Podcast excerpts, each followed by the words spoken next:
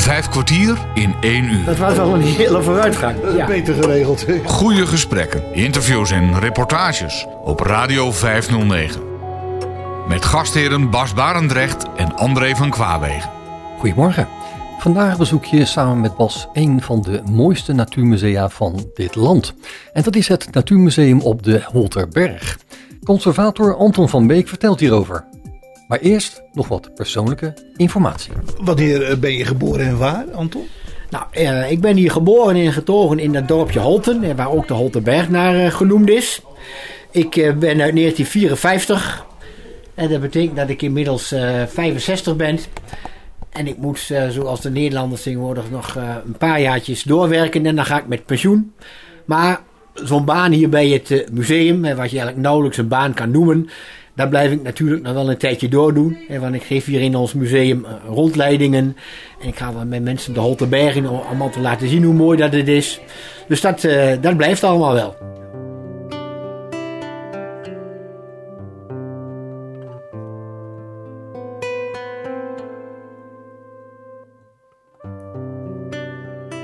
Eh, ik ga toch even terug in de tijd dat je nog op de lagere school zat. Had je toen al zoveel interesse voor de natuur? Ja, ik ben hier eh, geboren eh, onderaan de Holterberg. In de burgemeester van de Borstraat. En ik ben een van de jongsten uit een gezin van, eh, van acht. En wij gingen altijd als kinderen de Holterberg in. En met onze vader eh, trokken we van jongens af aan de Holterberg in. Dus dat is eigenlijk met de paplepel eh, ingegoten, die interesse voor de natuur. Je vader had ook erg veel interesse daarvoor. Ja, mijn vader had daar interesse voor. Mijn vader die, die werkte bij de OARTS, bij de, bij de Overijsselse autobusdiensten. En dus wel bekend van de busreizen. En, maar mijn vader was dan monteur. Maar hij had een, eh, een groentetuin waar hij heel druk mee was. En hij had ook heel veel liefde voor de natuur, zeker weten. Ja. En hoe brachten jullie dat bij? Eh, nou, gewoon, eh, gewoon wandelen. We liepen. En we hadden thuis altijd tijdschriften. En de levende natuur en dat soort dingen. En dat ging eigenlijk vanzelf. Dus eh daar werd niet zoveel over gesproken. eh, dat dat speciaal eh, opvoeding was. Maar dat, dat hoorde er gewoon bij. Dat was het eigenlijk wel natuurlijk, ja. Ja, dat was het. Automatisch was het, was het daar wel. Ja, ja, ja, ja. En wat kun je je nog herinneren uit die tijd? Nou, uit die tijd van nou, wat wij met onze broers bijvoorbeeld deden, was een, een, een spelletje. Wie weet nu de meeste dieren met het woord B bijvoorbeeld. Ja. Nou, en dan schreven wij dat helemaal op. En dan, nou, dan hadden we een hele lijst vol. En het bijzondere is, dat toen zat ik op de lagere school. Hè, en toen deed de, de meester op school, die deed ook een keer eh, eh, zo'n spelletje. Hè. Wie- eh, Wie weet de meeste steden met de naam B bijvoorbeeld. En toen deed hij wie weet de meeste dieren met de naam B. En toen verbaasde het mij dat de medeleerlingen in de klas dat die daar eigenlijk helemaal niks van afwisten. Die denken van, nou dan vergeet je alles met bonten en je vergeet alles met, noem maar op. Dus, dus daar kan ik me dan wel van herinneren. Dus jij was wel een beetje verguld met die voorsprong. Ja, maar goed, dat wist je niet, want eh, ja, dat ging vanzelf. the changing of sunlight to moonlight, reflections of my life. Oh, how they fill my eyes.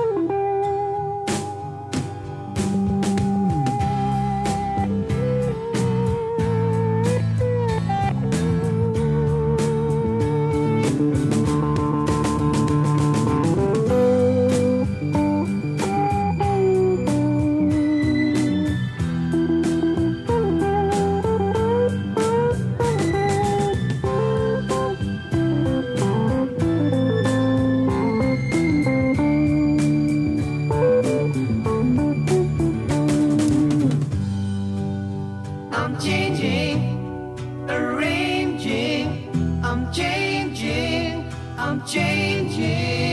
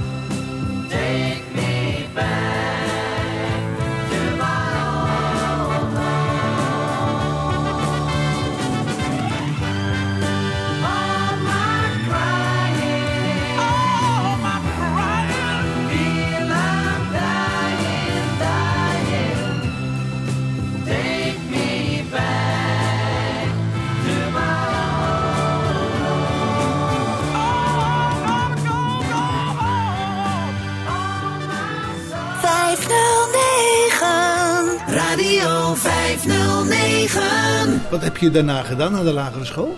Nou, eh, mijn vader was automonteur. En eh, zoals dat dan ging, eh, ging je naar de LTS. Dus toen heb ik een opleiding gehad eh, voor zeg maar metaal. En nou, ik kon wel een, een beetje leren, dus toen ben ik doorgegaan naar de LTS, naar de, naar de MTS. En daar ben ik, heb ik toen werktuigbouwkunde gedaan, want ik was tenslotte in de metaal. Maar ik vond auto's ook wel mooi, dus ik heb nog een vervolgopleiding gedaan, MTS eh, motorvoertuigentechniek. En toen ik toch dat studeren in één keer in de gaten had, heb ik nog een, ben ik nog in de avonduren een eh, opleiding gaan volgen. En ik ben nu eigenlijk docent motorvoertuigentechniek. Dus eh, dat is een heel verhaal.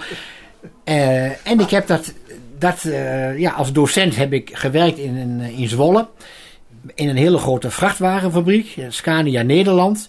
En daar werkten meer dan 2000 mensen. En daar gaf ik cursussen over eh, elektronica in de vrachtwagen, over versnellingsbakken. Eh, dus intern in dat grote bedrijf. En dan kun je vragen, ja, hoe kom je nou nu in zo'n eh, museum terecht? Nou, op zich was het niet zo moeilijk. Ik ben natuurlijk altijd hier in de Holteberg, in de natuur geweest. En toen in het jaar 2000 hè, vroeg Kees Bos, die hier toen in het museum was, die vroeg toen iemand voor rondleidingen te geven. Nou, ik was dus gewend met mensen om te gaan als eh, bij Scania Nederland. En toen ben ik hier eens twee dagen in de week in het eh, museum gaan werken, rondleidingen verzorgen en met groepen de Holteberg in. En ik leerde ook hier in het museum steeds meer over de natuur.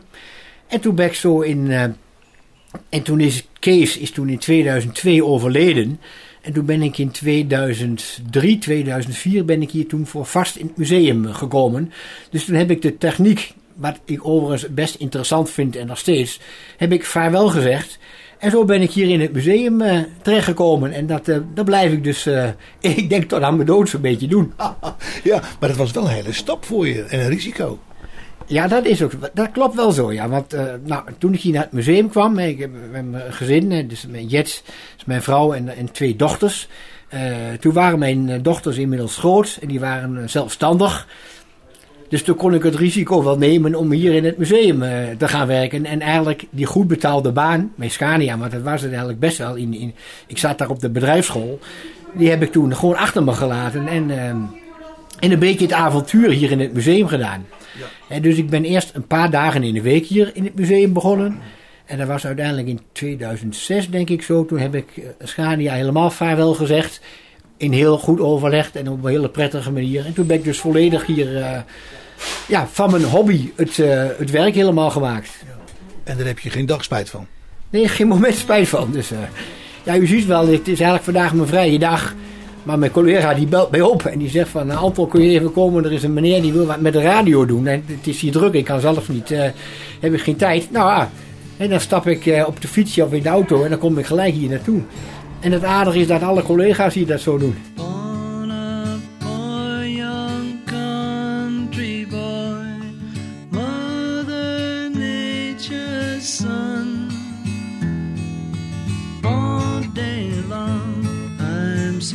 singing songs for everyone.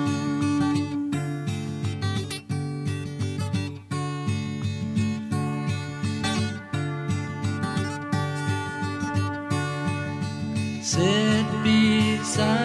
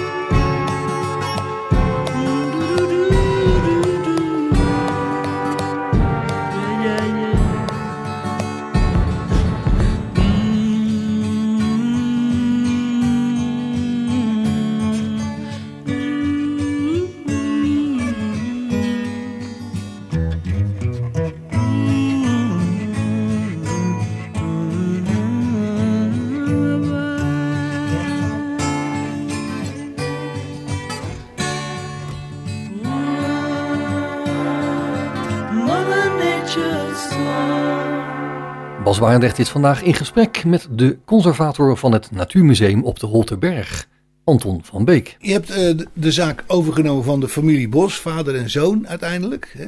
Hoe, hoe- waarom is die vader destijds hier zo begonnen? Nou, eh, dan moeten we terug naar het jaar 1938, dus meer dan 80 jaar geleden. Op de Holterberg daar was nog weinig te beleven. Hiernaast was een heel klein theehuisje. Dat theehuisje heette het Losse Hoes. En er was meneer Metzger, die was daar de baas, Jo Metzger.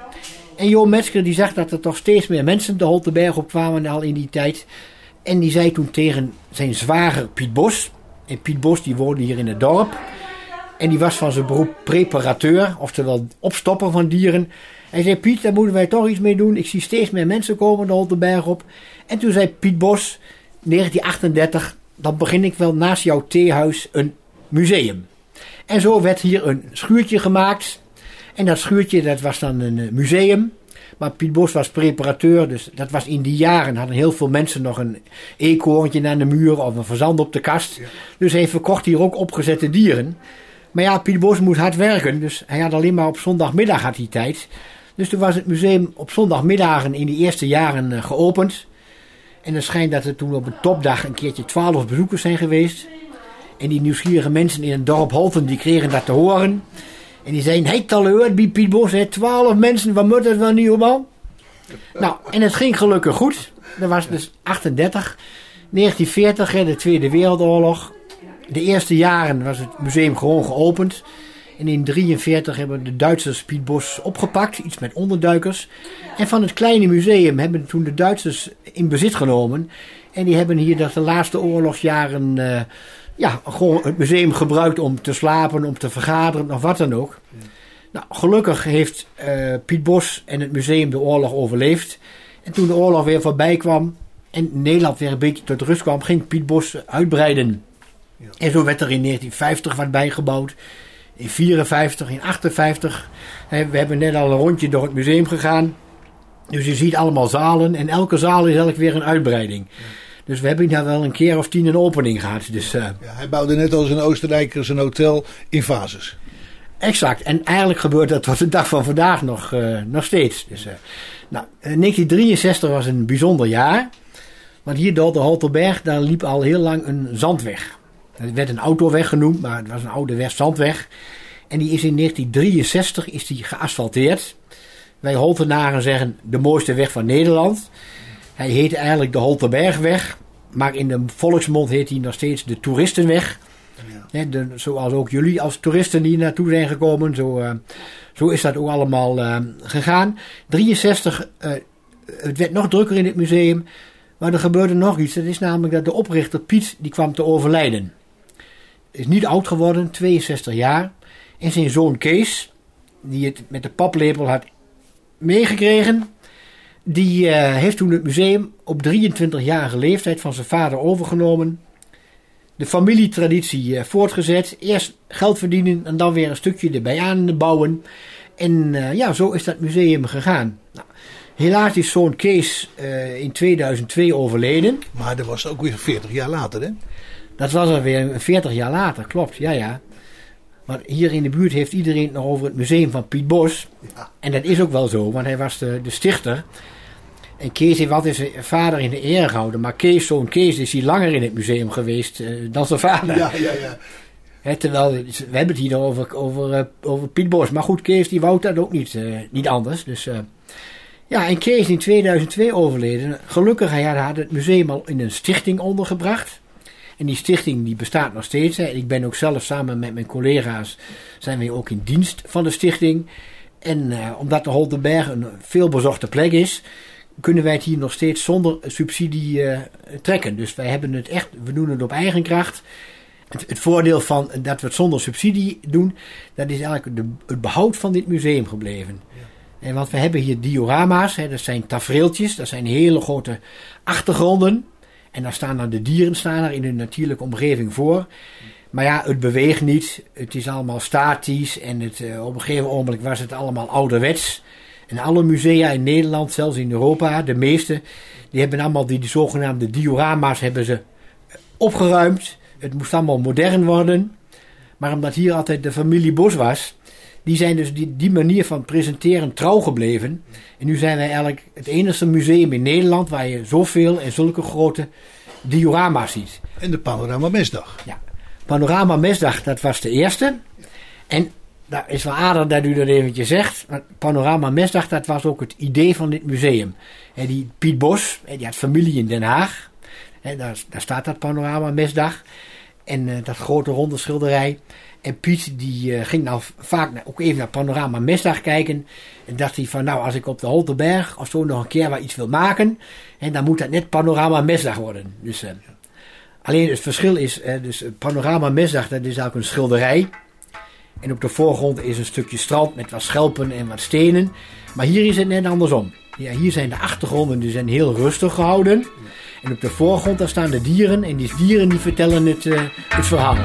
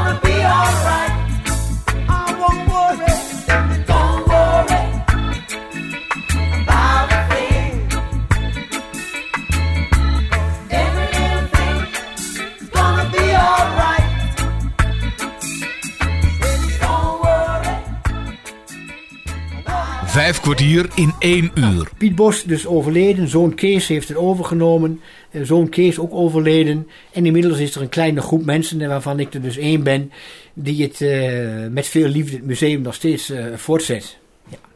En de eigen kost verdient. En de eigen kost verdient, dat klopt. En wij werken in het museum wel met vrijwilligers, vrijwilligers, maar bijna niet hoor. Dus we hebben wat, als het heel druk is in de tijd van rondleidingen, dan, eh, nou ja, dan hebben we wat vrijwilligers die ook rondleidingen doen. Maar verder werken we allemaal met betaalde krachten. Nou, we verdienen hier niet zoveel hoor, dus zo is het ook nog een keer. Maar we zijn ook nog goed voor de werkgelegenheid. En op zich vinden we dat ook wel heel gezond. Hè, dat als je het op zo'n manier kan redden. En dat is ook, ja, dan, dan, dat we ook eigen baas blijven. Hè. Dat vinden we toch wel heel, heel belangrijk. Maar ook de verbouwingen worden zelf betaald. Ja, de verbouwingen die worden ook helemaal eh, zelf betaald. En dat betekent dus eerst eh, een beetje vet op de botten krijgen. Hè? Dus dat je weer wat, eh, wat geld is. En nou kan er weer wat, wat worden verbouwd. Maar ik moet zeggen dat het eh bij ons ook best moeilijk is om het museum sowieso al draaiende te houden. Dus een, een volgende grote verbouwing. Nou, daar zit er voorlopig eigenlijk helaas niet in. Maar is er ook een steunstichting? Ehm, nee, er is verder geen, geen steunstichting. Dus we doen het echt zelfstandig. Het is wel zo dat als we een keer een klein projectje hebben. Hè, bijvoorbeeld, we zijn nu bezig met een. eh, we hebben daar een, een, tafel. En die tafel die willen we wat digitaal maken. Dat er mensen op een knopje drukken dat er een verhaaltje wordt verteld. En dat er ook voor de zienden iets, eh, iets, iets te zien is. Dat is een, een duur ding, hè, 10.000 euro. Nou, daar proberen we dan wel een subsidie voor te krijgen. En dat lukt dan ook wel met veel moeite. Maar voor de dagelijkse gang van zaken eh, dus niet.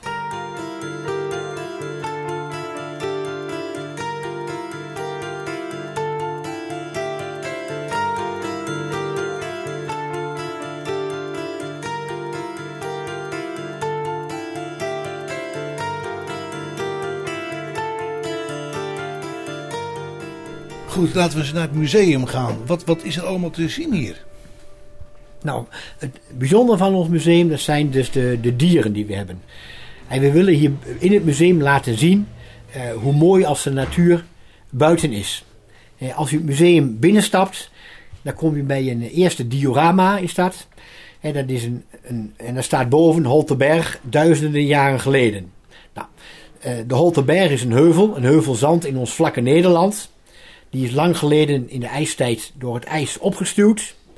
En dat ijs dat kwam zuidelijk vanaf Scandinavië Europa ingegleden. En dan moet je denken dat dat een, een gletsjers waren. Een gletsjer van 35 kilometer breed. 200 meter hoog. Die gleed zo zuidelijk Europa in. Er waren meerdere van die gletsjers. En die, waar ik het over heb, hè, die had het eh, stroomgebied van de IJssel gevonden. Waar toen overigens nog de Rijn was. 150, 200.000 jaar geleden. En die enorme massa ijs die heeft aan de ene kant de Veluwe omhoog geduwd. En aan de andere kant de Holterberg. En toen het ijs weer verdwenen was, ja, toen bleven die heuvels, de Veluwe en de Holterberg, die bleven, eh, die bleven er. En zo is ook bijvoorbeeld de Utrechtse heuvelrug ontstaan. En in Duitsland eh, de Lüneburger Heide. Dat is allemaal uit dezelfde tijd. Nou, en dat eerste diorama van ons, daar zie je Holterberg, 15.000 jaar geleden. De ijstijd die ging op zijn end. En we hadden hier toen in ons land een, zo, een toendra-klimaat. Dus een klimaat waarvoor je nu naar het hoge noorden moet. En we hadden ook dieren die nu in het hoge noorden nog leven. En dat waren bijvoorbeeld rendieren, eh, elanden, kraanvogels, eh, wilde paarden waren hier. En uit opgravingen weten we dat er ook al mensen hebben geleefd in ons land. En dat waren rendierjagers. En zo hebben we dat eerste diorama hebben we ingelicht. Daar ligt een grote steen. En achter die steen daar ligt verkleed als een rendier een rendierjager. En daar komen twee rendieren aan. En die rendieren die, eh, die denken van... Hé, hey, wat zie ik daar toch? Wat ruik ik daar toch? En we weten uit die tijd dat ook eh, die rendierjagers al pijl en boog hadden. En dan springt die rendierjager op. En dan pakt hij zijn pijl en boog. En dan, hupsakee, dan schiet hij een rendier. Nou, dat gebeurt dus in het eerste diorama. En als wij dus hier rondleidingen geven in het museum... dan vertellen wij ook die, die verhalen. Vijf kwartier in één uur. Bas Barendrecht loopt vandaag rond in Holten en is om precies te zijn op de Holterberg in Overijssel. Hij spreekt daar met conservator Anton van Beek over het Natuurmuseum wat daar te vinden is. Op Radio 509. Nou, dan lopen we een stukje door en dan komen we bij een volgend tafereel.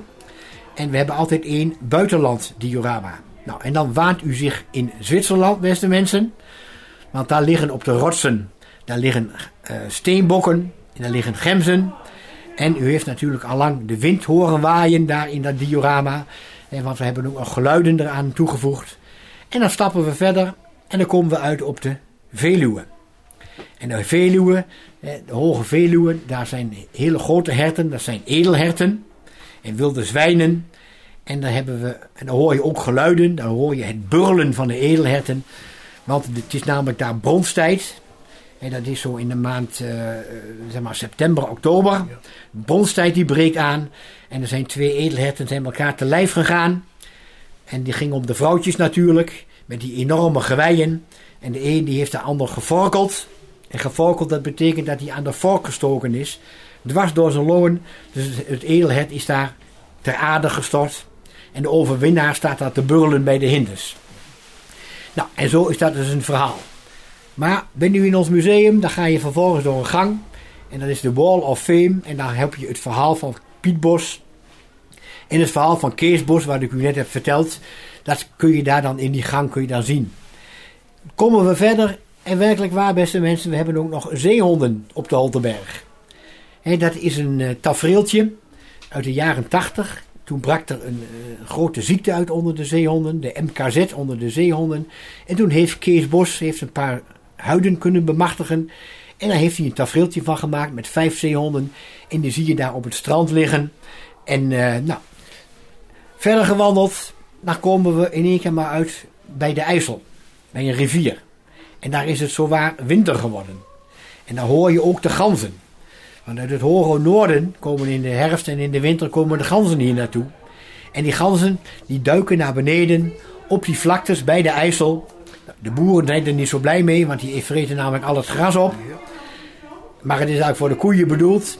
Nou, en zo hebben we daar dus een heel verhaal over, eh, ja, over, over de ganzen en over het verhaal hoe het dan zit.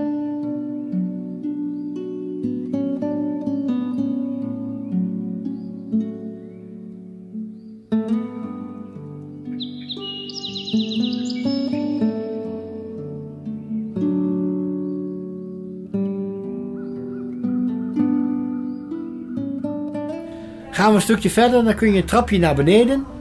En hebben we nu iets heel bijzonders. Dan hebben we altijd wisselende, eh, eh, ja, wisselende onderwerpen. En op dit moment hebben we iets heel bijzonders. Hebben we namelijk een tentoonstelling over schedels. En wat is er nu aan de hand met die schedels? En er was in Nederland een eh, professor, professor Dr. van Haaften. Die deed heel veel onderzoek naar eh, zeehonden en naar bruine beren en naar wolven. En toen in de jaren 80 de problemen kwamen op de Waddeneilanden met de, zee, met de zeehonden. En toen dat met eh, Pieter Buren is gekomen, met Leni, met Leni het Hart. En toen was die Jan van Haafden, professor van Haafden, was de man die wist toen alles van zeehonden. En die heeft toen samen met Leni het Hart, hebben ze toen dat Pieter Buren gesticht. Maar die meneer had ook een, eh, een verzameling schedels. En dat ging echt ook over dolfijnen, eh, wolven, bruine beren, kleine vogeltjes. Heel bijzonder. En die heeft hij, hij was inmiddels overleden in 2012. En toen hebben zijn kinderen hebben het aan het museum geschonken. En daar hebben we nu dus nu een heel jaar lang, en waarschijnlijk wel wat langer, hebben we die Van Haafden tentoonstelling hier. Nou, u ziet hè, dus bij de diorama's, bij elke tentoonstelling, daar hoort een verhaal. En dat maakt het museum ook, door, ook leuk. Hoe kwam hij aan die schedels? Nou, die had hij gewoon zelf verzameld, die eh, Jan van Haafden. Want professor van Haafden, die kwam dus in Roemenië voor berenonderzoek. Nou, en dan vonden ze of er was daar iets met een beer gebeurd, een dode beer. En daar werd er echt onderzoek naar gedaan. Waar is dat dier? Ik, ik was daar natuurlijk niet bij, maar ik stel me zo voor van waar is hij aan gestorven? Wat was er aan de hand? En dan werd zo'n beest, dat werd dan gewoon netjes gevuld. En dan bleven er dus de botten over. En die professor van Haafden, die nam dan, die kreeg, had dan de schedel. En ook hebben wij hier al die soorten zeehonden en zo, die, waar hij dus onderzoek naar heeft gedaan, die hij dus waarschijnlijk dood heeft aangetroffen. Eh, en ook eh, voor alle zeevogels heeft hij dan en zo. Dus hij heeft gewoon in zijn, in zijn lange loopbaan, eh, zijn lange leven, heeft die professor van Haafden, heeft die schedels gewoon verzameld. Dus, ja. Zo ging dat met de professor. Daar, heb- daar hebben we dus de, de tentoonstelling gehad. Maar het kan ook zijn, beste mensen, dat als u over een paar jaar in ons museum komt, dat daar mooie schilderijen hangen of, of beelden. Eh, of dat daar een, eh, een, een, een, kunstenaar iets, eh, iets doet. Of dat wij iets, het onderwerp uilen daar gaan uitbeelden. Maar in die ruimte. Altijd in, die- in die ruimte. Ja, dus, dus altijd wisselende tentoonstellingen. En waar de mensen die willen ook wel eens een keer weer wat nieuws zien en zo. Dus, eh,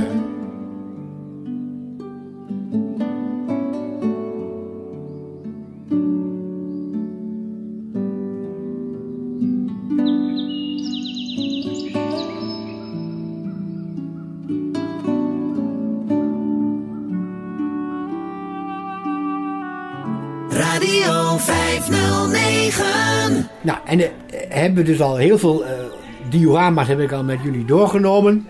En hebben we het nog niet over de Holterberg gehad. Maar daar komen we dan. En dan hebben we een heel groot diorama. En dat was eigenlijk het grootste diorama van Piet Bos. Maar hij wou toch een beetje dat panorama misdag wou die, eh, maken. Heeft hij in 19, eh, wat was het, 1954 heeft Piet Bos daar een heel groot rond diorama gemaakt. En daar heeft hij de Holterberg in gemaakt. En, eh, maar Piet Bos, dat was, eh, hij kon goed dieren opzetten, maar Piet Bos die kon niet schilderen. Dus daar had er een Holterse kunstenaar bij gehaald, Herman Berends. Die heeft toen de achtergronden geschilderd, de eerste achtergronden. En later heeft zoon Kees die achtergronden nog eens een keer weer veranderd. En toen Kees overleden is, dat is een bekende vriend van, eh, van Kees, ook een kunstenaar, Tammo Lukien. Die heeft die achtergrond nog een keer onder handen genomen. We hebben zelf de voorgrond helemaal nieuw ingericht. Want zoals inmiddels de mensen ook wel hebben meegekregen. eh, ze hebben de wolven inmiddels ons land weer gevonden. Op de Veluwe hebben ze zelfs al jongen gekregen. Nou, op de Holteberg, daar zwerven ook wel eens wolven rond. Dat, weten wij. En zo hebben we in het diorama inmiddels ook een wolf. En die wolf die zit achter de reeën aan. En er vliegen een paar korhoenders die vliegen er vandoor. En zo heb je dus daar een heel mooi Holterberg tafereeltje. En de Holterberg, het is eh, nu de tijd van het jaar eh, dat de heide in bloei staat. En dan zijn er ook bijenkasten op de heide. En echt zo mensen, als u dus nu, nou het is dus nu in september, of augustus nu we dit opnemen. En nu staat de heide in bloei. En ik was daar eh, gisteren nog. En dan kun je echt, dan kun je dus de heide kun je ruiken.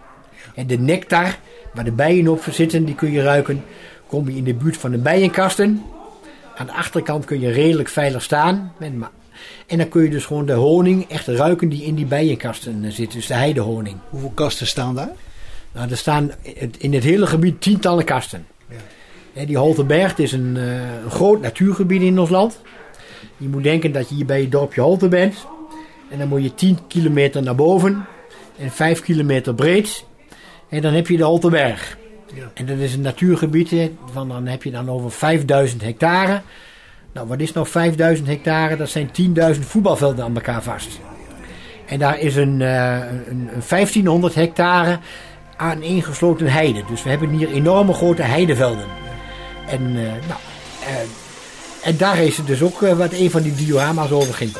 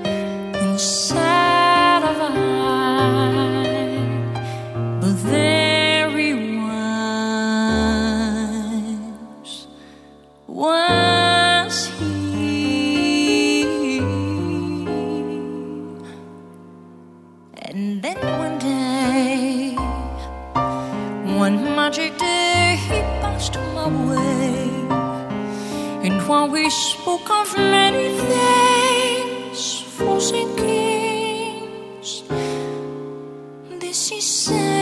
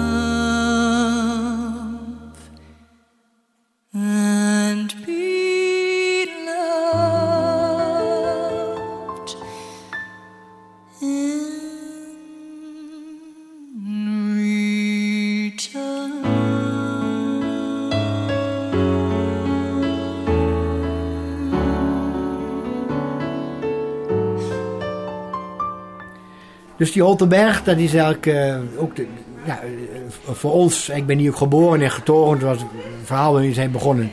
En dat zegt wel iets voor ons. wij willen hier ook nooit meer weg. Dus ja. Toch was je hier misschien even weg toen je in eh Zwolle werkte, of niet? Nee, toen ben ik altijd in Holte blijven wonen. Dat sta- stap, stapte ik in de auto, moest ik 's morgens naar mijn werk. En dat was dan drie kwartier rijden. Maar ja, het werd steeds drukker en drukker op die weg natuurlijk.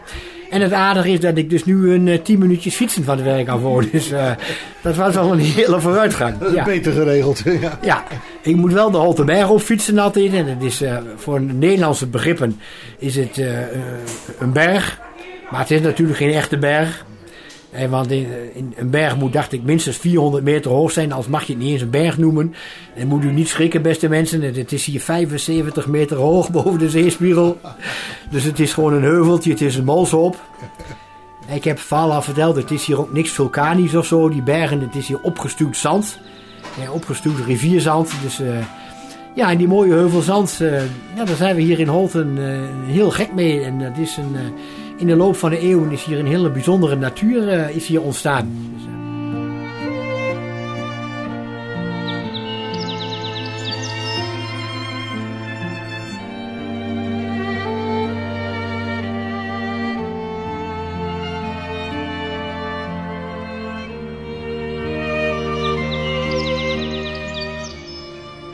In vijf kwartier en een uur praat Bas Barendrecht met de conservator van het Natuurmuseum op de Holterberg, Anton van Beek. Ja, en eh, zo'n natuurmuseum, hè, dus we doen wandelingen in de Holtenberg, we doen rondleidingen hier. Maar we doen ook heel veel aan educatie. En dan heb je het echt wel over scholen. Hè, Dat is dus een beetje jouw ding, hè? dat is een beetje mijn ding. Ja, ik had, bij Scania was ik dus gewend met, eh, met, met groepen mensen eh, cursussen te geven, lessen te geven. En toen ging het over versnellingsbakken in een, in een vrachtauto en over de, over de remsystemen en over het luchtdruksysteem in het wiel. En nu vertel ik over het verhaal over, eh, over de bijen en over de hommels. En over eh, hoe het met de reeën gesteld is. En bijvoorbeeld eh, de reptielen die we hier in het bijzonder het gebied hebben. En heel bijzonder hier in, in dit gebied zijn de hagedissen. En de zandhagedissen. Hè, dat, daar ga ik straks nog even naartoe kijken. Ja, maar zijn die er ook? En die zijn er echt. En die beestjes die heten zandhagedissen. Omdat ze, de vrouwtjes die leggen in het eitje, in het zand leggen ze eieren. En dat zijn gewoon super zeldzame dieren. En misschien houden jullie wel allemaal van de, de Formule 1. En van het enorme geronk van die motoren. En eh, in Zandvoort daar is het circuit weer eh, vergroot. Want de Formule 1 moet ook naar eh, Nederland komen. En laten nou net in die duinen ook die zandhagedis zitten. En als u dus de, eh, discussie een beetje hebt gevolgd. Van ja, moesten eerst die zandhagedissen aan de kant. En dan konden ze daar met dat circuit verder. Nou, en, maar daar heb je het wel over zeldzame dieren. Die dieren die hebben echt nodig zand. Zand waardoor het water snel naar beneden wegzakt. Anders komen die eitjes nooit een keer uit. Ze leven niet in de bossen, niet in de weiden. Je echt hebt bepaald plekken in Nederland zijn ze maar. En dat is dus wel op de hoge zandgronden. En dat zijn dus de Veluwe en hier de Holterberg. En die zandhagedissen, mensen, dat is hartstikke leuk. Die liggen nu in het zonnetje. Ze moeten even flink eh, eten. Want straks eh, is september geweest, oktober. Dan gaan ze in winterslaap. En dan moet je niet schrikken. Oktober, november, december, januari, februari, maart. Een half jaar. Een half jaar slapen ze. Dus de helft van hun leven verslapen ze. En waarschijnlijk nog meer. En dan komen ze dus eh, door het voorjaarszonnetje naar boven. En dan eh, moeten ze dus eh, ja, eerst een beetje bijkomen. Het zijn insecteneters. Dus ze gaan achter de, de, de muggen, de vliegen en alles wat ze maar kunnen pakken. Wat een insect is, dat eten ze op. Ze vervellen in dat korte seizoen van een half jaar een keer of vier, vijf. En die mannetjes die worden die, knalgroen. Die krijgen in één keer een heel mooie opvallende verschijning. En er zijn de vrouwtjes hagedissen die zijn daar gek op. En dan hebben we het dus over maart, april. En dan eh, gaan ze achter de vrouwtjes aan. En die mannetjes, ja, ik zal maar gewoon beste mensen zeggen eh, zoals het is. Die hagedissen, ja, daar hebben de mannetjes, die hebben twee, eh, twee penissen. Twee piemels. Dus het maakt niks uit wat voor kant dat ze het vrouwtje zien. Links of rechts gaat altijd goed. Of ze het nou met twee vrouwtjes tegelijk doen, of de natuur het zo geregeld heeft, dat weet ik eigenlijk Maakt niet. hun niet uit. Maakt niks uit. Maar in ieder geval, eh, nou, dan wordt dat dus gepaard. En dan is het zo in mei. En dan graven de vrouwtjes in de, in de hellingen, in het zand. En dat, moet, dat kan geen humus zijn, dat moet gewoon goed zand zijn. De helling moet goed zijn. Er moet bijna de hele dag de zon op schijnen. Er worden de eitjes in het zand gelegd. En de zon die broedt dan de eieren uit. En dan zo in augustus, begin augustus, en nu kan dat ook nog een beetje. Dan eh, kruipen hier zo de kleine hagedissen uit het zand. En die zijn zo groot als een lucifershoutje. Moeten zich vanaf de eerste dag van hun leven zelf redden. Achter de insecten aan. Zelfs oppassen dat ze vader en moeder niet tegenkomen. En de ooms. Want, want wat gebeurt er dan? Dan worden ze namelijk opgegeten. Het zijn dus kannibalen. Niet dat dat heel veel is, maar er zijn dus in de literatuur kom je dus wel degelijk tegen dat dus die grote volwassen hagedissen, maar ja, dat zijn, die volwassenen die zijn 21 centimeter, dus heel groot zijn ze ook niet. Maar die kleintjes zijn maar zo klein als een lucifershoutje. En d- dus eh, die worden opgegeten, maar ze zijn koudbloedig. En het voordeel van koudbloedig is eigenlijk wat ze eten, dan kunnen ze bijna allemaal omzetten in groei. Dus ze groeien behoorlijk snel en dan worden ze toch als hagedisje herkend. En dan, eh, ja, en dan is het zo oktober, dan gaan ze in winterslaap. En dan moeten ze dus een half jaar wachten. Eh, Tot dat, en zo gaat het hele, eh, grote feest die gaat beginnen. dan gaat het feest. Kijk. En dat zijn dus allemaal dingen. Hè, een, een, een dier, een, een, de heide, een diorama hier in het museum, in het museum zelf. Dat wordt pas mooi als er een verhaal bij is. En zo zit, beste mensen, zitten, de hele natuur zit vol verhalen.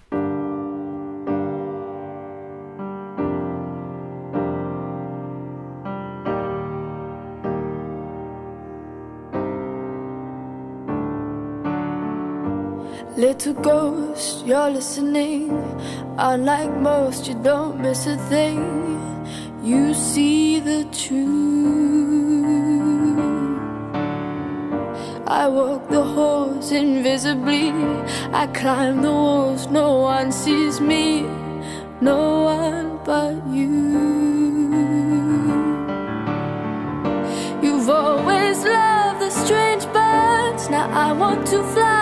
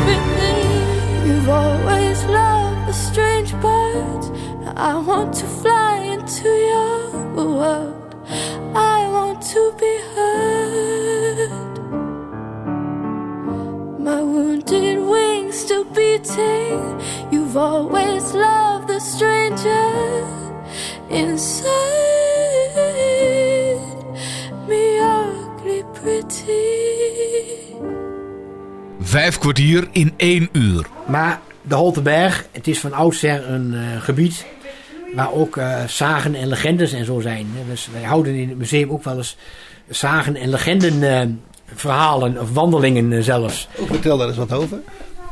Ja, dat is. we kunnen, ik kan er wel een hele uur vullen met, vullen met verhalen. Maar dat is misschien wel een, eh, een aardig verhaal. Zoals nou die Holterberg eigenlijk ontstaan is. En die heuvelzand. Ik heb verteld dat het hier van de ijstijd was. Maar ja, beste mensen, ik zat op de lagere school bij meester Brouwer in de klas. En meester Brouwer zei: Jongens, geloof daar maar niks van. Die eh, ijstijd, daar is niemand bij geweest. En wisten jullie wel dat er vroeger in Duitsland reuzen hebben gewoond? Nou, dat wisten wij natuurlijk niet. Hij zegt, de Holterberg die is gemaakt door reuzen. Nou, zeiden we, meester Brouwer, hoe, hoe ging dat in zijn werk dan? Hij zei, nou, als je er dan vroeger als Duitse reus bij wou horen, als Pruisische reus, en dan moest er een bijzonder werk worden verricht. En zo kreeg een van die Duitse reuzen, die, die kreeg de opdracht om de Zuiderzee te dempen. En daar kwam hij aan vanaf Duitsland. Met een enorme zak met zand op zijn rug. En die reus was zo groot, beste mensen. Als je naar boven keek, en dan zag je net het puntje van zijn neus. En bij elke stap die hij deed, denderde de aarde. En dan kwam hij aan, die reus. En toen was die reus hier aangekomen bij dat dorpje Holten. En wat gebeurde er? Er kwam een gaatje in die zak met zand. Maar die reus, hij had niks in de gaten. Hij wandelde maar door, hij wandelde maar door. En bij elke stap die hij deed, viel er meer zand uit die grote zak die hij op zijn rug had. En toen was hij een heel eindje verderop, daar bij Ommen in de buurt. En toen dacht hij, verrek, waar is mijn zand toch gebleven? En toen draaide hij zich om. En toen zag hij zo de Holterberg liggen. Dus beste mensen, niet schrik verhaal van de ijstijd. Het is gewoon reuzenwerk geweest. nou, en dat is dan een van de zagen en legendes die hier in het gebied eh, zitten. Dus.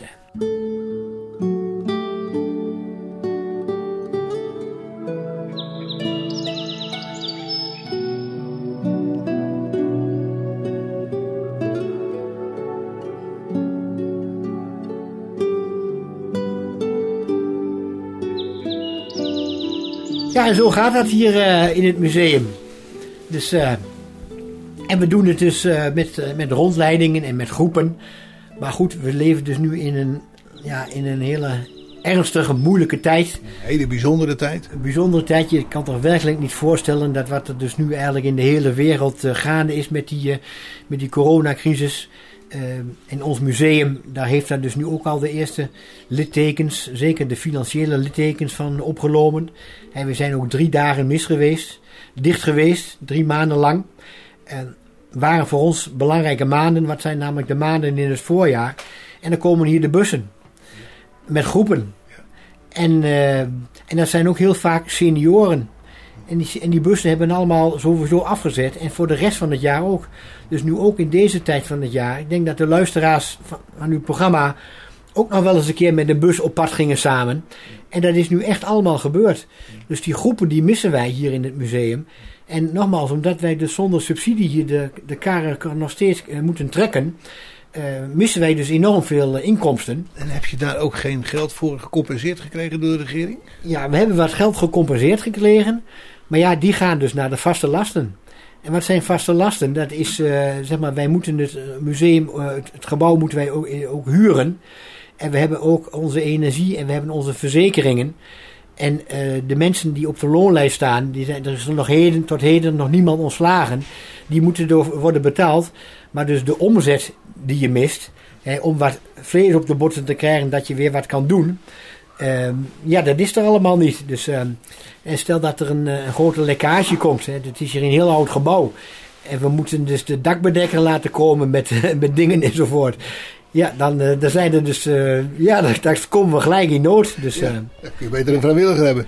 ja, ja, als hij zijn dak kan maken van ons wel, ja. Dus, ja, dat klopt. Dus, maar het is niet zo dat je.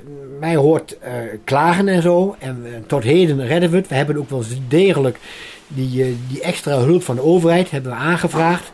Hebben we ook zonder problemen eh, hebben we die gekregen. En ik denk dat eh, mochten we het niet kunnen trekken, ja, dan moeten we iets doen wat we nog nooit hebben gedaan. Dan moeten we maar bij de gemeente of bij de provincie aantreffen, kloppen. Want ik kan me niet voorstellen dat ze een museum met deze historie, eh, dat ze die laten vallen. Dat, dat is toch eigenlijk onmogelijk. Dus, Kan ik me ook niet voorstellen. Nee, nee. En dan, en ja goed, maar dat is dan eigenlijk een rampscenario. En ik denk, dit museum heeft al wel heel wat stormen, waaronder oorlogen, een oorlog overleefd. Dus eh, wij zullen deze crisis ook vast wel overleven hoor. Dus eh, dat kan haast niet anders. Dus, ja. Je hebt dus een hele goede reden om dit natuurmuseum op de Holterberg in Holte te gaan bezoeken. En dat ligt trouwens in de provincie Overijssel. De belangrijke informatie hiervoor is te vinden op hun website en dat is museumholterberg.nl. Museumholterberg.nl. Ik bedank je mede namens Bas Barendrecht voor het luisteren. Heb je vragen of opmerkingen, dan kan je een mailtje sturen naar bas.radio509.nl.